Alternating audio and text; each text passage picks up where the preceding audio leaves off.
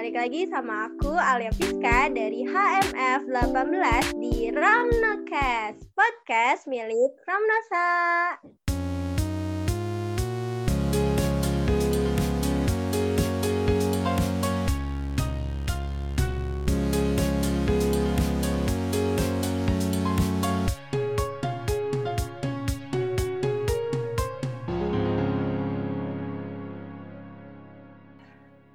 Kabar nih Ramno listeners? Semoga selalu baik-baik aja, sehat fisik maupun sehat mental.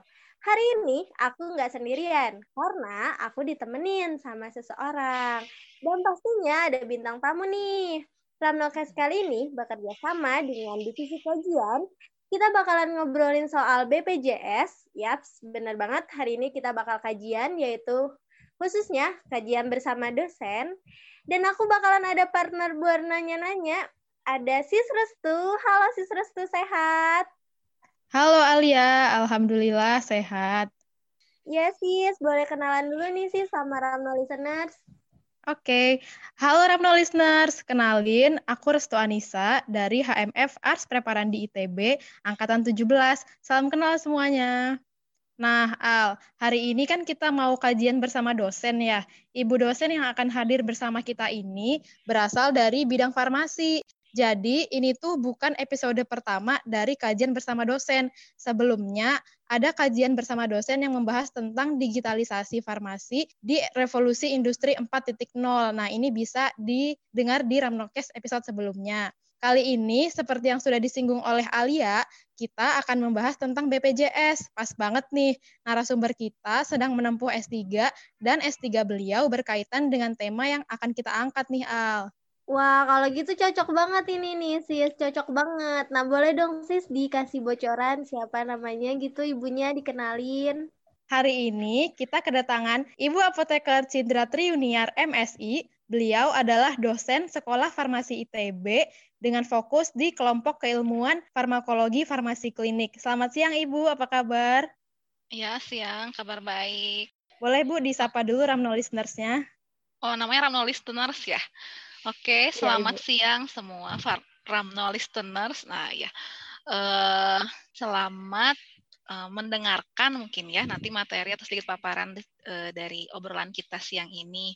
Tapi sebelum kita masuk ke pembahasan, ini saya mau sedikit klarifikasi ya. Saya belum menempuh S3 ini mohon doanya ya. Uh, saya akan nah, tapi proposal yang sering saya ajukan dan selalu saya ajukan adalah berkaitan dengan pembiayaan kesehatan. Jadi memang uh, beberapa ya studi sudah saya pelajari juga tentang asuransi kesehatan di negara lain juga, termasuk juga yang BPJS begitu. Oh, begitu ya Bu sebenarnya. Mohon maaf ya Bu, ada kesalahan dalam penyampaian sebelumnya.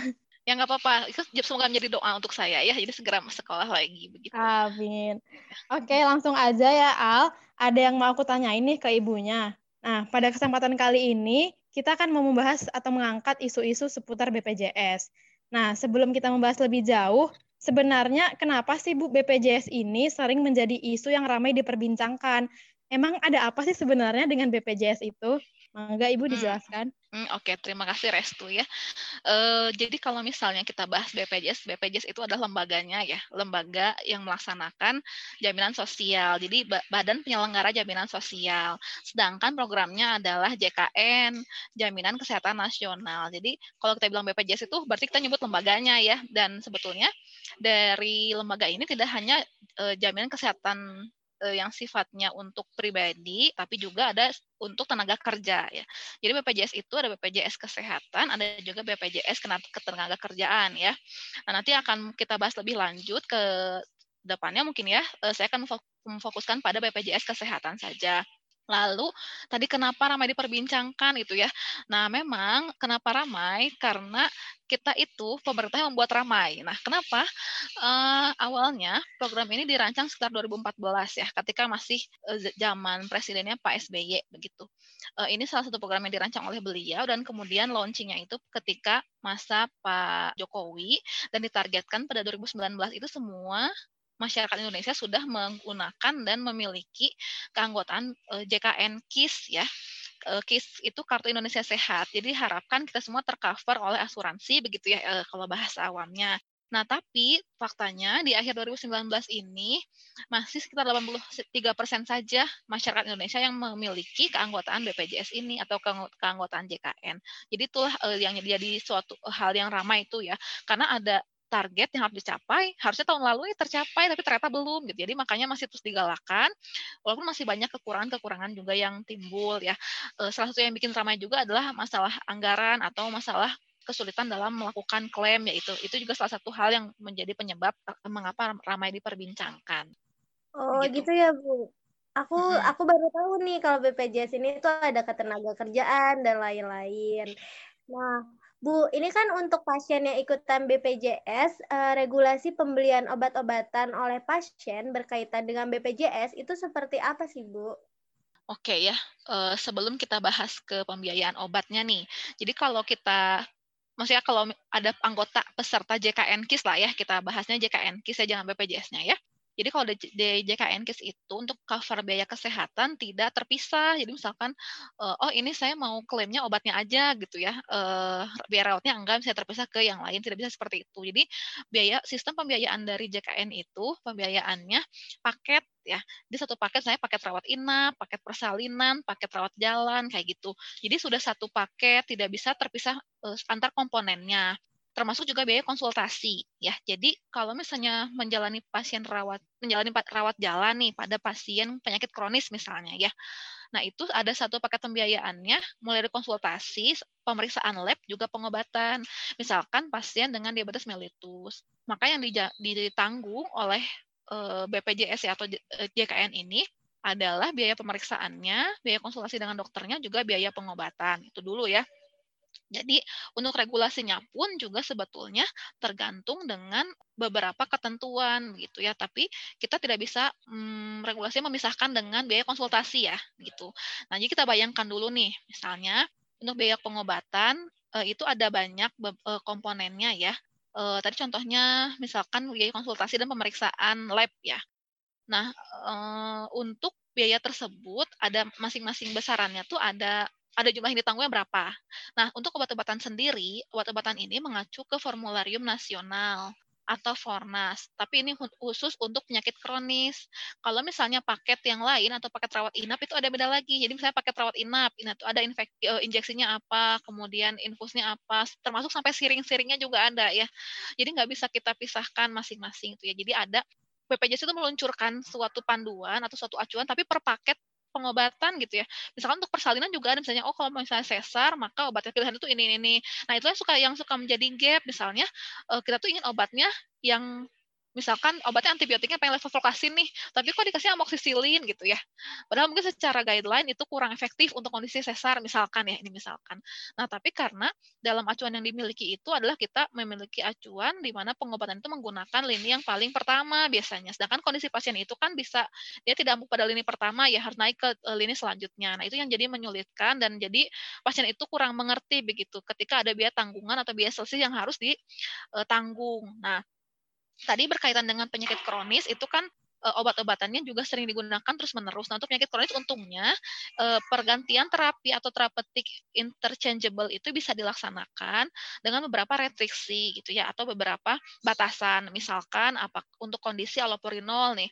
Kondisi allopurinol ini hanya boleh digunakan pada saat nyeri yang kronis tidak saat nyeri akut. Jadi ada beberapa kondisi yang malah membantu juga begitu ya.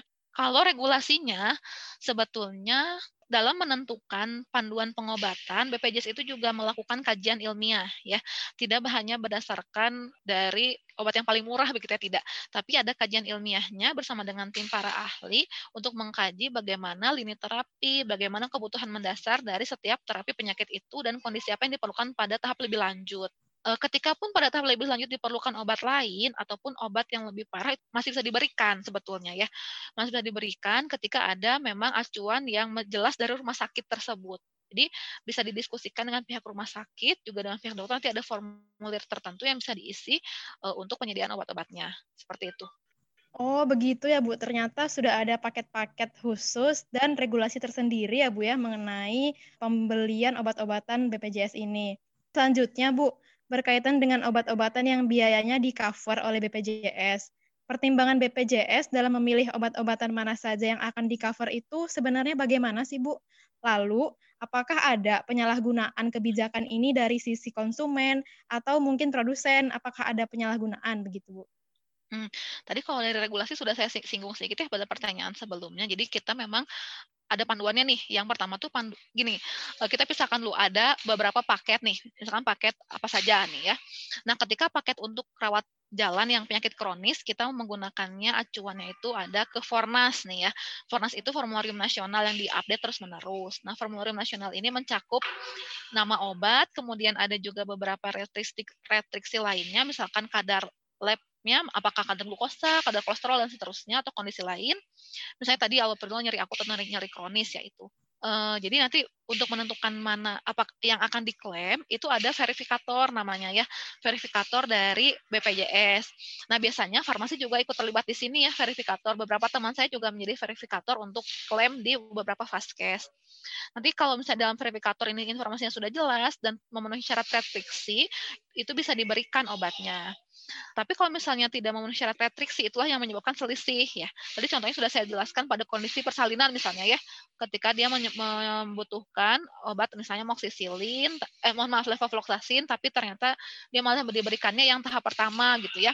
Tapi itu ketika memang ada kondisi klinis lain, itu bisa dijelaskan dan bisa menjadi suatu tambahan ya. Tapi tergantung kelas juga kadang-kadang ya oke kalau penyalahgunaan nah sebetulnya saya agak um, khawatir ya menyebutkan penyalahgunaan karena tidak ada informasi mengenai penyalahgunaan ini begitu hanya saja yang ditemukan mungkin uh, semacam keraguan atau rancu ya kerancuan uh, kalau orang BPJS sering bilangnya sih fraud ya. Jadi ada fraud dari kondisi-kondisi yang disampaikan.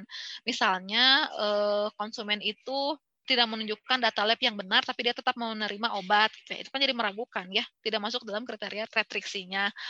Uh, seperti itu. Tapi kalau misalnya dari produsen hmm, saya rasa tidak tidak asa tidak mungkin ya kemungkinan kemungkinan besar mah kecil ya kalau untuk yang produsen ini. Karena kan produsen obat itu industri-industri farmasi uh, yang memang akan mendaftarkan obatnya pada e-katalog. Nah, ini tadi baru dengar ya tentang e-katalog ya. Tadi kan saya sudah, sudah jelaskan Fornas nih, ada formularium nasional. Formularium nasional itu kalian bayangkannya seperti sebuah dokumen, acuan, nama obat apa, kemudian dia bisa diberikan dalam kondisi apa, jumlahnya berapa, termasuk diberikannya di vaskes yang mana. Ya kan BPJS itu nanti pemberian obatnya tergantung vaskes bisa di vaskes tahap pertama tingkat kedua ataupun tingkat ketiga. Mau tidak mau semua pelanggan itu harus memulai dari vaskes yang tingkat pertama dulu Nah, eh, ketika akan menerima obat, nanti dicek ke Fornas dan kemudian daftar obat yang di Fornas itu kita melihat dari e-katalog. Jadi kalau misalnya lihat merek nih, merek itu jangan dari merek yang sembarangan dokter pengen milih gitu, nggak bisa. Nah, mereknya itu harus kita lihat dari daftar e-katalog. Nah, untuk masuk dalam e-katalog ini ada sistem tender dari Kemenkes ya. Jadi ada sistem tender Kemenkes bersama dengan LKPP ya namanya eh, mengadakan tender industri mana saja yang bisa mensuplai zat obat dengan zat aktif mana saja gitu ya. Contohnya NaCl nih. Misalkan NaCl infus ya. NaCl infus ini bisa ditulis atau bisa dimasukkan ke dalam e-katalog oleh industri mana saja kayak gitu. Jadi nggak bisa semua industri, tapi berdasarkan hasil tender. Nah, karena tender ini sifatnya terbuka juga oleh Kemenkes beserta LKPP dan diumumkan juga kepada masing-masing industri, nah itu sifatnya terbuka ya. Dan saya rasa tidak memungkinkan untuk adanya penyalahgunaan terhadap sistem tersebut karena itu sudah cukup transparan juga sistemnya juga ada sistem e-katalog ya. Jadi masyarakat bisa melihat kuantiti serta jenis mereknya dari e-katalog itu. Mohon maaf, e-katalog ini bukan oleh masyarakat ya, tapi oleh Vaskesnya ya. Jadi kalau di Puskesmas kita bisa mengecek juga eh, mana saja, tapi sistemnya udah oleh tender secara nasional dari Kemenkes dan LKPP. Jadi kalau penyalahgunaan kayaknya sih eh, nggak ada ya, tapi kalau dari konsumen belum sampai ke tahap penyalahgunaan, tapi adanya keraguan ya kerancuan, kerancuan dalam penyediaan data maupun kondisi-kondisi yang seharusnya bisa tidak bisa diberikan gitu ya obat tersebut. Itu sih paling untuk beberapa kekurangan yang mungkin uh, terjadi ya kayak gitu. Wah, ternyata panjang ya Bu uh, menentukan obat-obatan ini dan tadi kan udah disinggung mengenai penyalahgunaan obat-obatan. Nah, sekarang aku mau nanya nih Bu uh, mengenai Dana. Nah, apakah pengelolaan dana oleh BPJS sudah dilakukan dengan maksimal? Karena mengapa ya Bu malah banyak ditemukan pelayanan khususnya dalam pengobatan penyakit yang tidak di-cover? Hmm, Oke ya, kalau pengelolaan itu um, saya mengacunya pada laporan nih ya. Kan BPJS itu melaporkan laporan keuangannya per tahun dan ada auditnya juga mereka ya. Setelah laporan ini juga disampaikan ke publik. Nah, memang dari beberapa laporan tahunan uh, yang lalu kita masih defisit nih ternyata uh, defisit anggaran ya dari PJS-nya. Tapi sebetulnya kalau misalnya dari pengelolaan menurut pendapat saya sudah cukup optimal, tapi yang kita bingungkan adalah dengan adanya uh, sikap dari masyarakat atau sikap dari pengguna layanan ini yang tidak tertib, misalnya tunggakan, ya e, mau tidak mau kan e, dari BPJS serta JKN ini kan mereka ada sumber dananya bermacam-macam ya, ada dari masyarakat, bisa juga dari APBN salah satunya ya. Ada penerimaan itu misalnya dari investasi ya, bisa juga dari e, penerimaan bunga investasi atau dari iuran. Nah, ada bahkan pendapatan dari pajak rokok. Jadi pajak rokok juga ada yang masuk ke pendapatan BPJS ini eh, serta dana operasional BPJS Kesehatan. Nah, sebetulnya ketika adanya sumber masukan yang berkurang nilainya itu akan menyebabkan beberapa biaya jadi eh, berkurang ya itu salah satu. Jadi eh, saya sarankan kepada masyarakat yang sudah memiliki BPJS lakukan pembayaran secara rutin sesuai kemampuan ya. Ketika kamu ada kendala mungkin bisa dikomunikasikan dengan pihak, pihak BPJS bagaimana ketentuannya gitu. Karena kalau pasien yang pasien yang termasuk dalam kategori fakir miskin atau yang tidak mampu membayar itu bisa masuk ke dalam kategori JKN lainnya ya. Saya lupa nama istilahnya tapi ada kategori JKN selain, selain JKN KIS ini bisa menanggung biaya pengobatan uh, di luar dari BPJS yang, yang kita bayar tiap bulan. Lalu yang kedua, dengan adanya aliran dana yang defisit ini sebetulnya salah satu penyebabnya adalah dari adanya fraud tadi ya. Kan tadi kalau saya jelaskan ada kerancuan. Nah, mau tidak mau kan ada pada akhirnya ada beberapa uh, rancu yang obat itu sudah keluar tapi ketika diklaim tidak masuk ke dalam pendanaan gitu. Tapi kita tetap harus melakukan klaim. Jadi pada akhirnya ada selisih yang harus dibayarkan oleh BPJS atau bahkan ada tambahan dana. Misalkan ketika tadi nih pasiennya ini dirasakannya cuma plafonnya mau amoksisilin, tapi dia membutuhkan plafonnya itu levofloxacin nih harga lebih mahal misalnya ya. Nah, itu kan ada ada clinical judgment ya, clinical judgment oleh tim ilmiah yang dinilai kondisinya ternyata memerlukan ini diberikan obat itu gitu ya. Dengan ada clinical judgment, judgment itu dan kedaruratan kondisi, misalnya kondisi pasiennya ini sudah di IGD harus diberikan apa gitu ya atau menjalani operasi kemo misalnya diberikan obat tambahan apa yang harus dia menerima dan e, kriteria itu sesuai dan bisa dinilai oleh clinical judgment oleh pihak dokter misalnya salah, satu, salah satunya ya. Itu akhirnya kita keluarkan juga. Jadi ada beberapa biaya-biaya tambahan yang mungkin ini jadi kurang optimal ya bisa jadi pengeluarannya nambah tapi pemasukannya ini ada yang berkurang nih kayak gitu.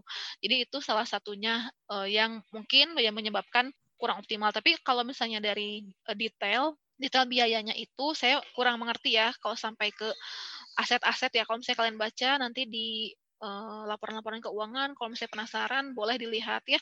Itu ada beberapa aset dan beberapa informasi defisit dan seterusnya. Kalau di tahun 2019 sendiri uh, di sini ada sedikit kerugian ya ada sedikit kerugian dari dana BPJS. Jadi masih ada defisit defisit anggaran ya dari BPJS ini begitu. Makanya mungkin beberapa vaskes juga ada uh, terhutang ya. Uh, mungkin kalau ada yang pernah mendengar uh, beberapa fasilitas kesehatan itu ada yang terhutang oleh BPJS belum dibayar nih bulan apa gitu ya.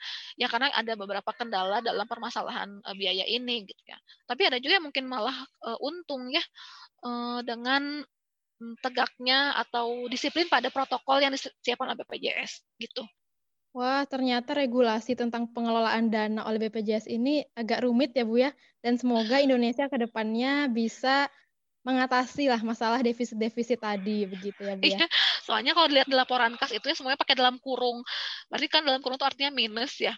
Ini tuh di akhir periode Desember 2019 itu masih dalam kurung semua 50 juta gitu ya. Jadi ya memang masih ada defisit anggaran lah. Hmm, iya Bu. Oke, kita agak beranjak ke tema lain ya Bu ya. Jadi, tapi masih berhubungan dengan BPJS. Nah, ini tuh berhubungan dengan isu yang kerap diangkat, yaitu seputar COVID-19. Nah, sebenarnya kebijakan BPJS selama COVID-19 ini tuh seperti apa sih Bu?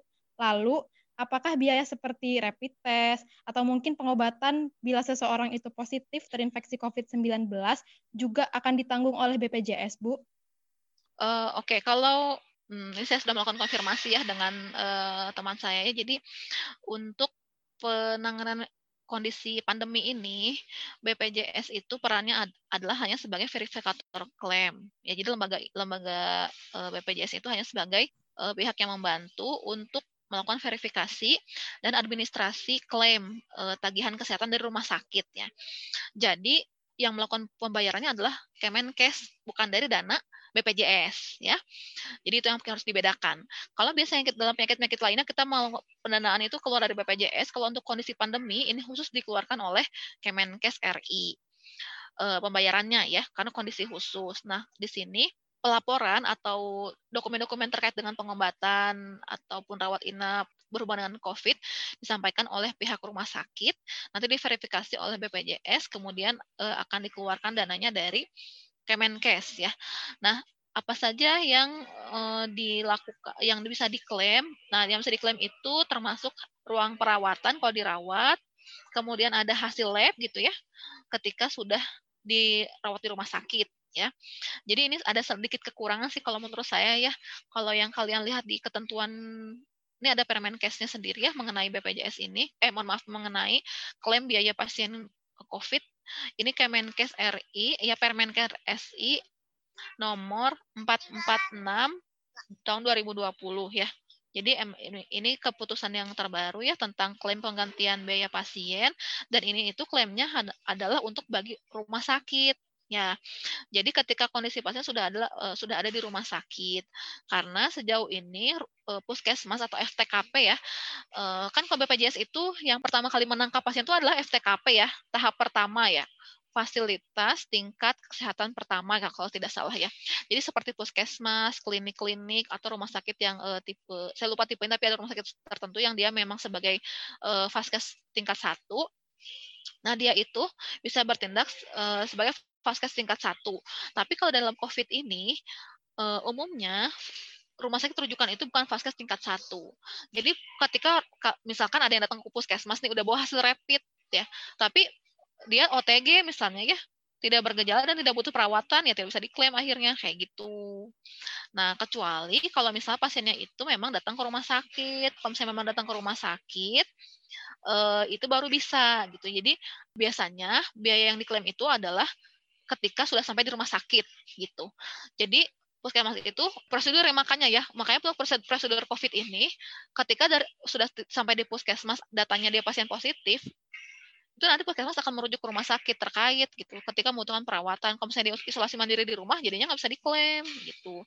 E, ketika dia mau ke ketika dia di, dirujuk ke rumah sakit dan di rumah sakit itu ada eh, bukti-bukti yang bisa diklaim itu bisa gitu ya. Jadi um, saran saya sih amit-amit itu ya amit-amit. Kalau misalnya ada publik yang terkena COVID kemudian dia ditangani oleh puskesmas, uh, sebaiknya minta rujukan ke rumah sakit agar bisa mendapatkan biaya penggantian untuk BPJS ini dan ada uh, bahkan orang tua saya sendiri mertua ya mertua saya juga uh, termasuk pasien COVID ya sudah sembuh sekarang alhamdulillah biayanya full diklaim juga tidak ada biaya yang keluar diklaim oleh pemerintah ya, tapi kondisinya dirawat. Adapun kalau misalnya kondisi itu belum dirawat, kemarin sih mas dalam program puskesmas ada sendiri ya uh, ditanggung, tapi itu biayanya biaya sendiri bukan biaya dari BPJS seperti itu ya.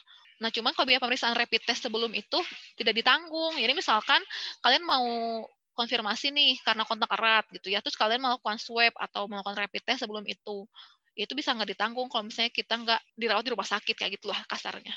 Wah, ternyata ada kabar gembira ya Ramno listeners. Untuk penanganan COVID-19 ini di cover oleh pemerintah. Jadi jangan takut-takut untuk datang aja langsung ke puskesmasnya. Nah, aku mau melanjutkan pembahasan terkait layanan BPJS lagi, Bu, atau JKN KIS ya. Ada nggak sih, Bu, biaya uh, subsidi biaya dari JKN KIS, tapi dalam rangka buat preventif atau promosi kesehatan gitu? Kan ini juga bisa uh, membantu untuk meningkatkan kondisi kesehatan di Indonesia ya, Bu? Mm -mm, Oke, okay. uh, eh, jadi kalau tindakan yang sering kita tahu kan untuk BPJS ini yang bayarnya ketika ada penyakit ya atau sudah sakit gitu ya.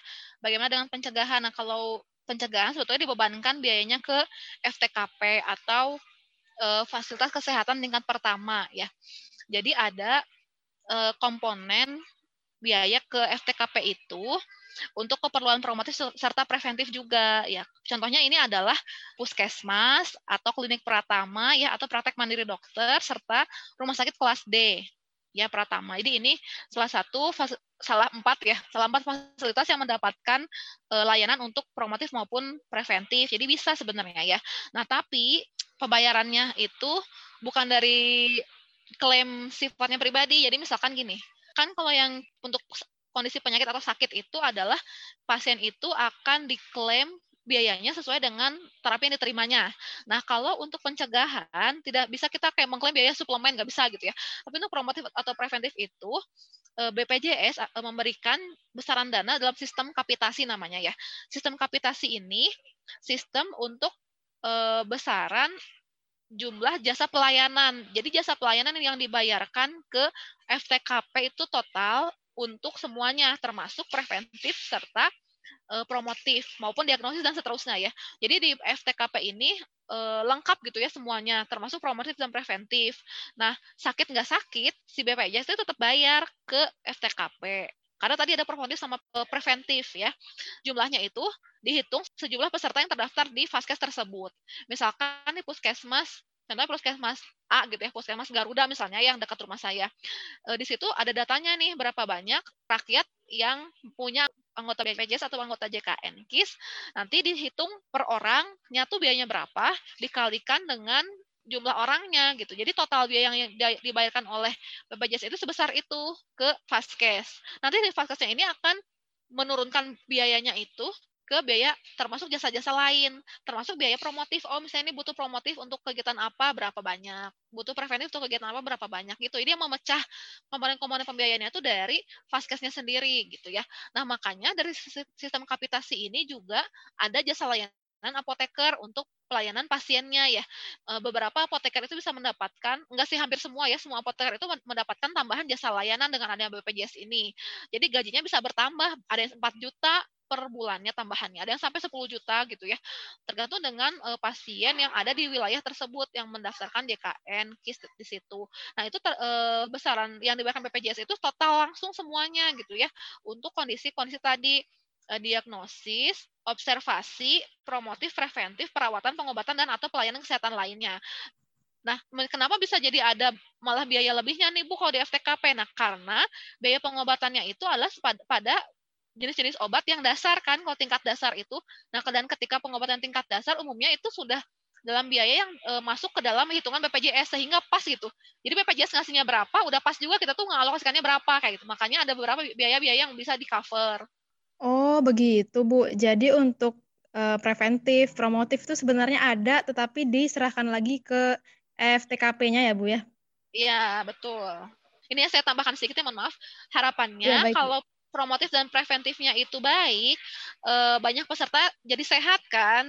Nah, kalau banyak peserta jadi sehat, nanti jadi untung dong sebenarnya si FTKP-nya, karena biaya pengobatannya berkurang, kayak gitu. Kalau misalnya kita mau mencari nilai positifnya ya, kayak gitu. Oh iya, iya. Benar sekali ya, Bu. Uh, kita lanjut ke pertanyaan berikutnya ya, Bu. Nah, ini ada pertanyaan yang bisa dibilang sangat menarik. Jadi sebenarnya kita itu lebih baik ikut BPJS atau asuransi kesehatan swasta sih, Bu?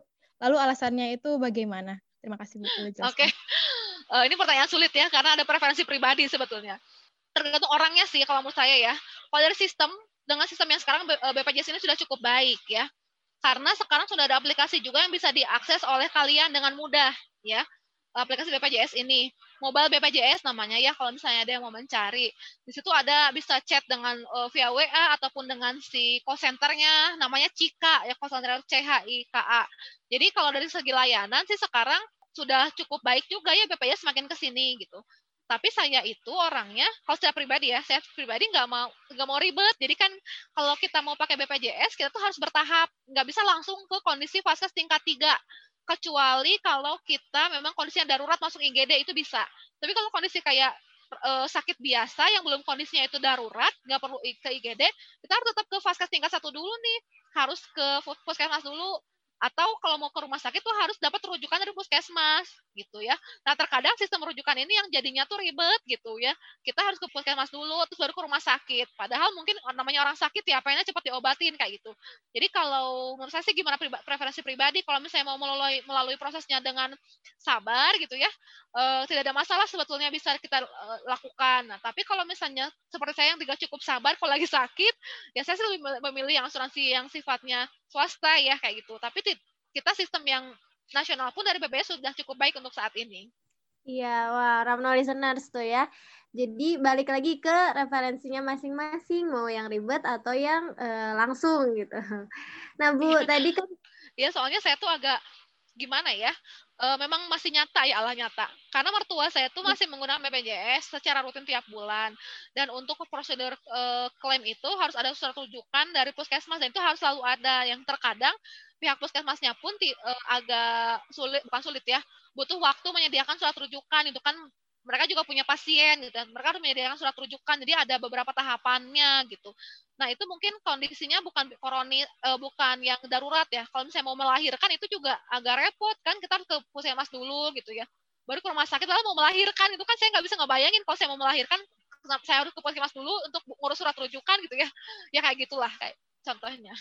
Iya, berarti uh, eh, JKN ke sini masih bertahap gitu ya, Bu. Nah, ya, tadi kan Nah, udah membahas tentang BPJS banyak banget ya, Bu. Nah, ini aku mau nyambungin aja sama farmasi. Nah, di sini sebenarnya apa sih, Bu, peran dari farmasis atau apoteker dalam keberlaksanaan JKN KIS ini? Oke. Kalau dari farmasi banyak ya perannya. Kalian bisa sebagai uh, orang di pihak mana nih? Nah, kalau misalnya di pihak yang BPJS-nya, kita bisa sebagai verifikator klaim misalnya ya uh, membantu dalam melakukan klaim. Atau kita juga bisa masuk ke dalam tim ahli ya. Uh, beberapa praktisi juga diterlibatkan untuk pembahasan tim ahli pembuatan formularium nasional misalnya ya. Kalau di vaskes kesehatan ya di vaskesnya langsung itu bisa sebagai apoteker yang bekerja di lapangannya atau kita juga meningkatkan kegiatan promotif ataupun preventif dari kegiatan di masyarakat gitu ya kalau misalnya ada kita ada di puskesmas kayak gitu. Contohnya ya jadi bisa banyak nih terlibatnya tergantung kita ada posisi mana. Kalau posisi kita sebagai uh, produsen nih kalau di industri berarti kita ikut mengikuti tender kayak gitu. Jadi banyak peran farmasi ini tergantung dengan bidangnya. Apakah bidang industri apakah pelayanan atau misalnya di verifikator atau regulatornya. Bisa seperti itu. Oh, begitu, Bu. Berarti bisa masuk di segala bidang tetapi sesuai dengan kapabilitas masing-masing berarti ya, Bu ya? Betul, betul. Jangan khawatir bisa bekerja di sana kok kita. Oke, okay, Bu. Terakhir nih, Bu. Bagi kita yang ingin lebih dalam, uh, lebih paham gitu terkait asuransi BPJS, nah kita juga kan sebagai farmasis, dan kami khususnya sebagai calon farmasis nih, uh, harus lebih melek agar bisa mengedukasi masyarakat atau orang-orang sekitar. Bagaimana sih Bu tata cara, syarat, ketentuan umum dalam penggunaan layanan BPJS Kesehatan? Hmm, Oke, okay. Uh, sebetulnya untuk pendaftaran sekarang sudah lebih mudah ya. Pendaftaran itu bisa menjadi eh, bisa mengakses uh, aplikasi. Sebentar saya uh, lihat dulu nama aplikasinya apa ya. Aplikasinya itu Mobile JKN ya. Di Mobile JKN ini ada fitur pendaftaran pelayanan di situ ya atau pendaftaran peserta. Nah, untuk pendaftaran peserta ini nanti kita tinggal memasukkan beberapa data seperti nama lengkap, nomor NIK ya. Jadi data-data yang ada di KTP itu dilaporkan ke situ. Jadi sudah lengkap ada di mobile JKN. Nanti setelah melakukan pendaftaran akan ada proses lebih lanjut baik itu melalui HP maupun ke uh, alamat email, tapi umumnya ke alamat email ya. Nah, termasuk juga mendapatkan kartu EKIS ya, EID Electronic ID peserta BPJS Kesehatan. Nanti EID ini hanya berlaku selama tiga bulan setelah tanggal percetakan terakhir. Jadi kita harus ke BPJS juga untuk mengurus kartu yang bentuk fisiknya gitu ya. Jadi yang bentuk elektronik elektronik itu hanya berlaku tiga bulan. Nanti kita lanjutkan ke bentuk yang uh, fisik. Jadi syaratnya mudah ya tadi NIK, pokoknya data-data sesuai KTP. Setelah itu nanti ada mengikuti dari aplikasi saja. Kalau ketentuan umumnya sebetulnya tinggal bayar aja sih.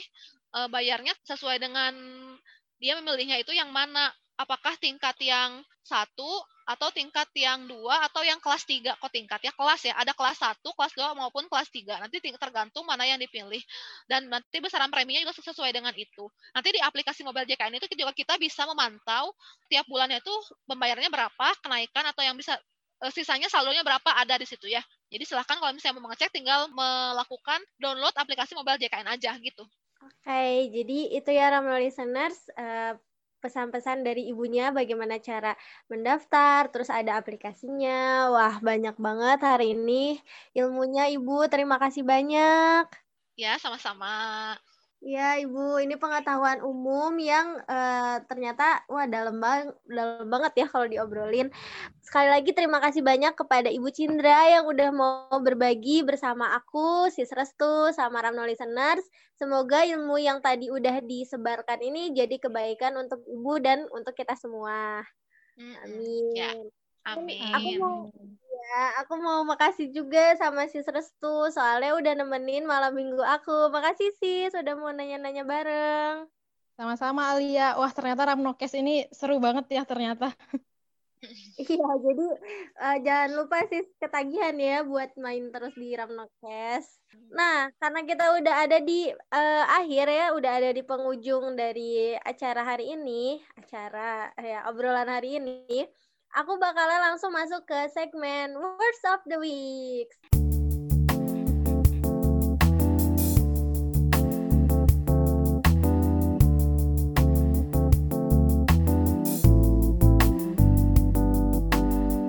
Jadi di Words of the Week kali ini bakalan ada pesan-pesan nih mungkin dari Ibu Cindra terlebih dahulu.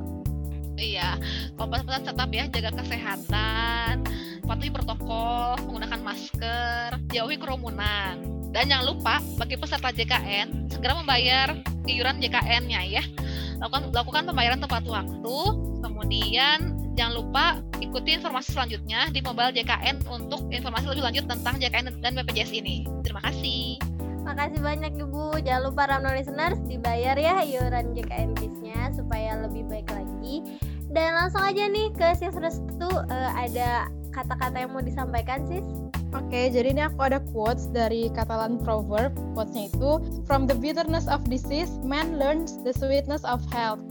Kasih juga sis Restu. Dan ini kalimat terakhir penutup dari aku. Sebelumnya makasih Ramno listener sudah mau bersama kita. Aku ini dapat kata-kata dari Hakim Arkuleta yaitu speak softly to your body dan stay positive, stay healthy, stay happy. Ramnosa meroket dengan pena.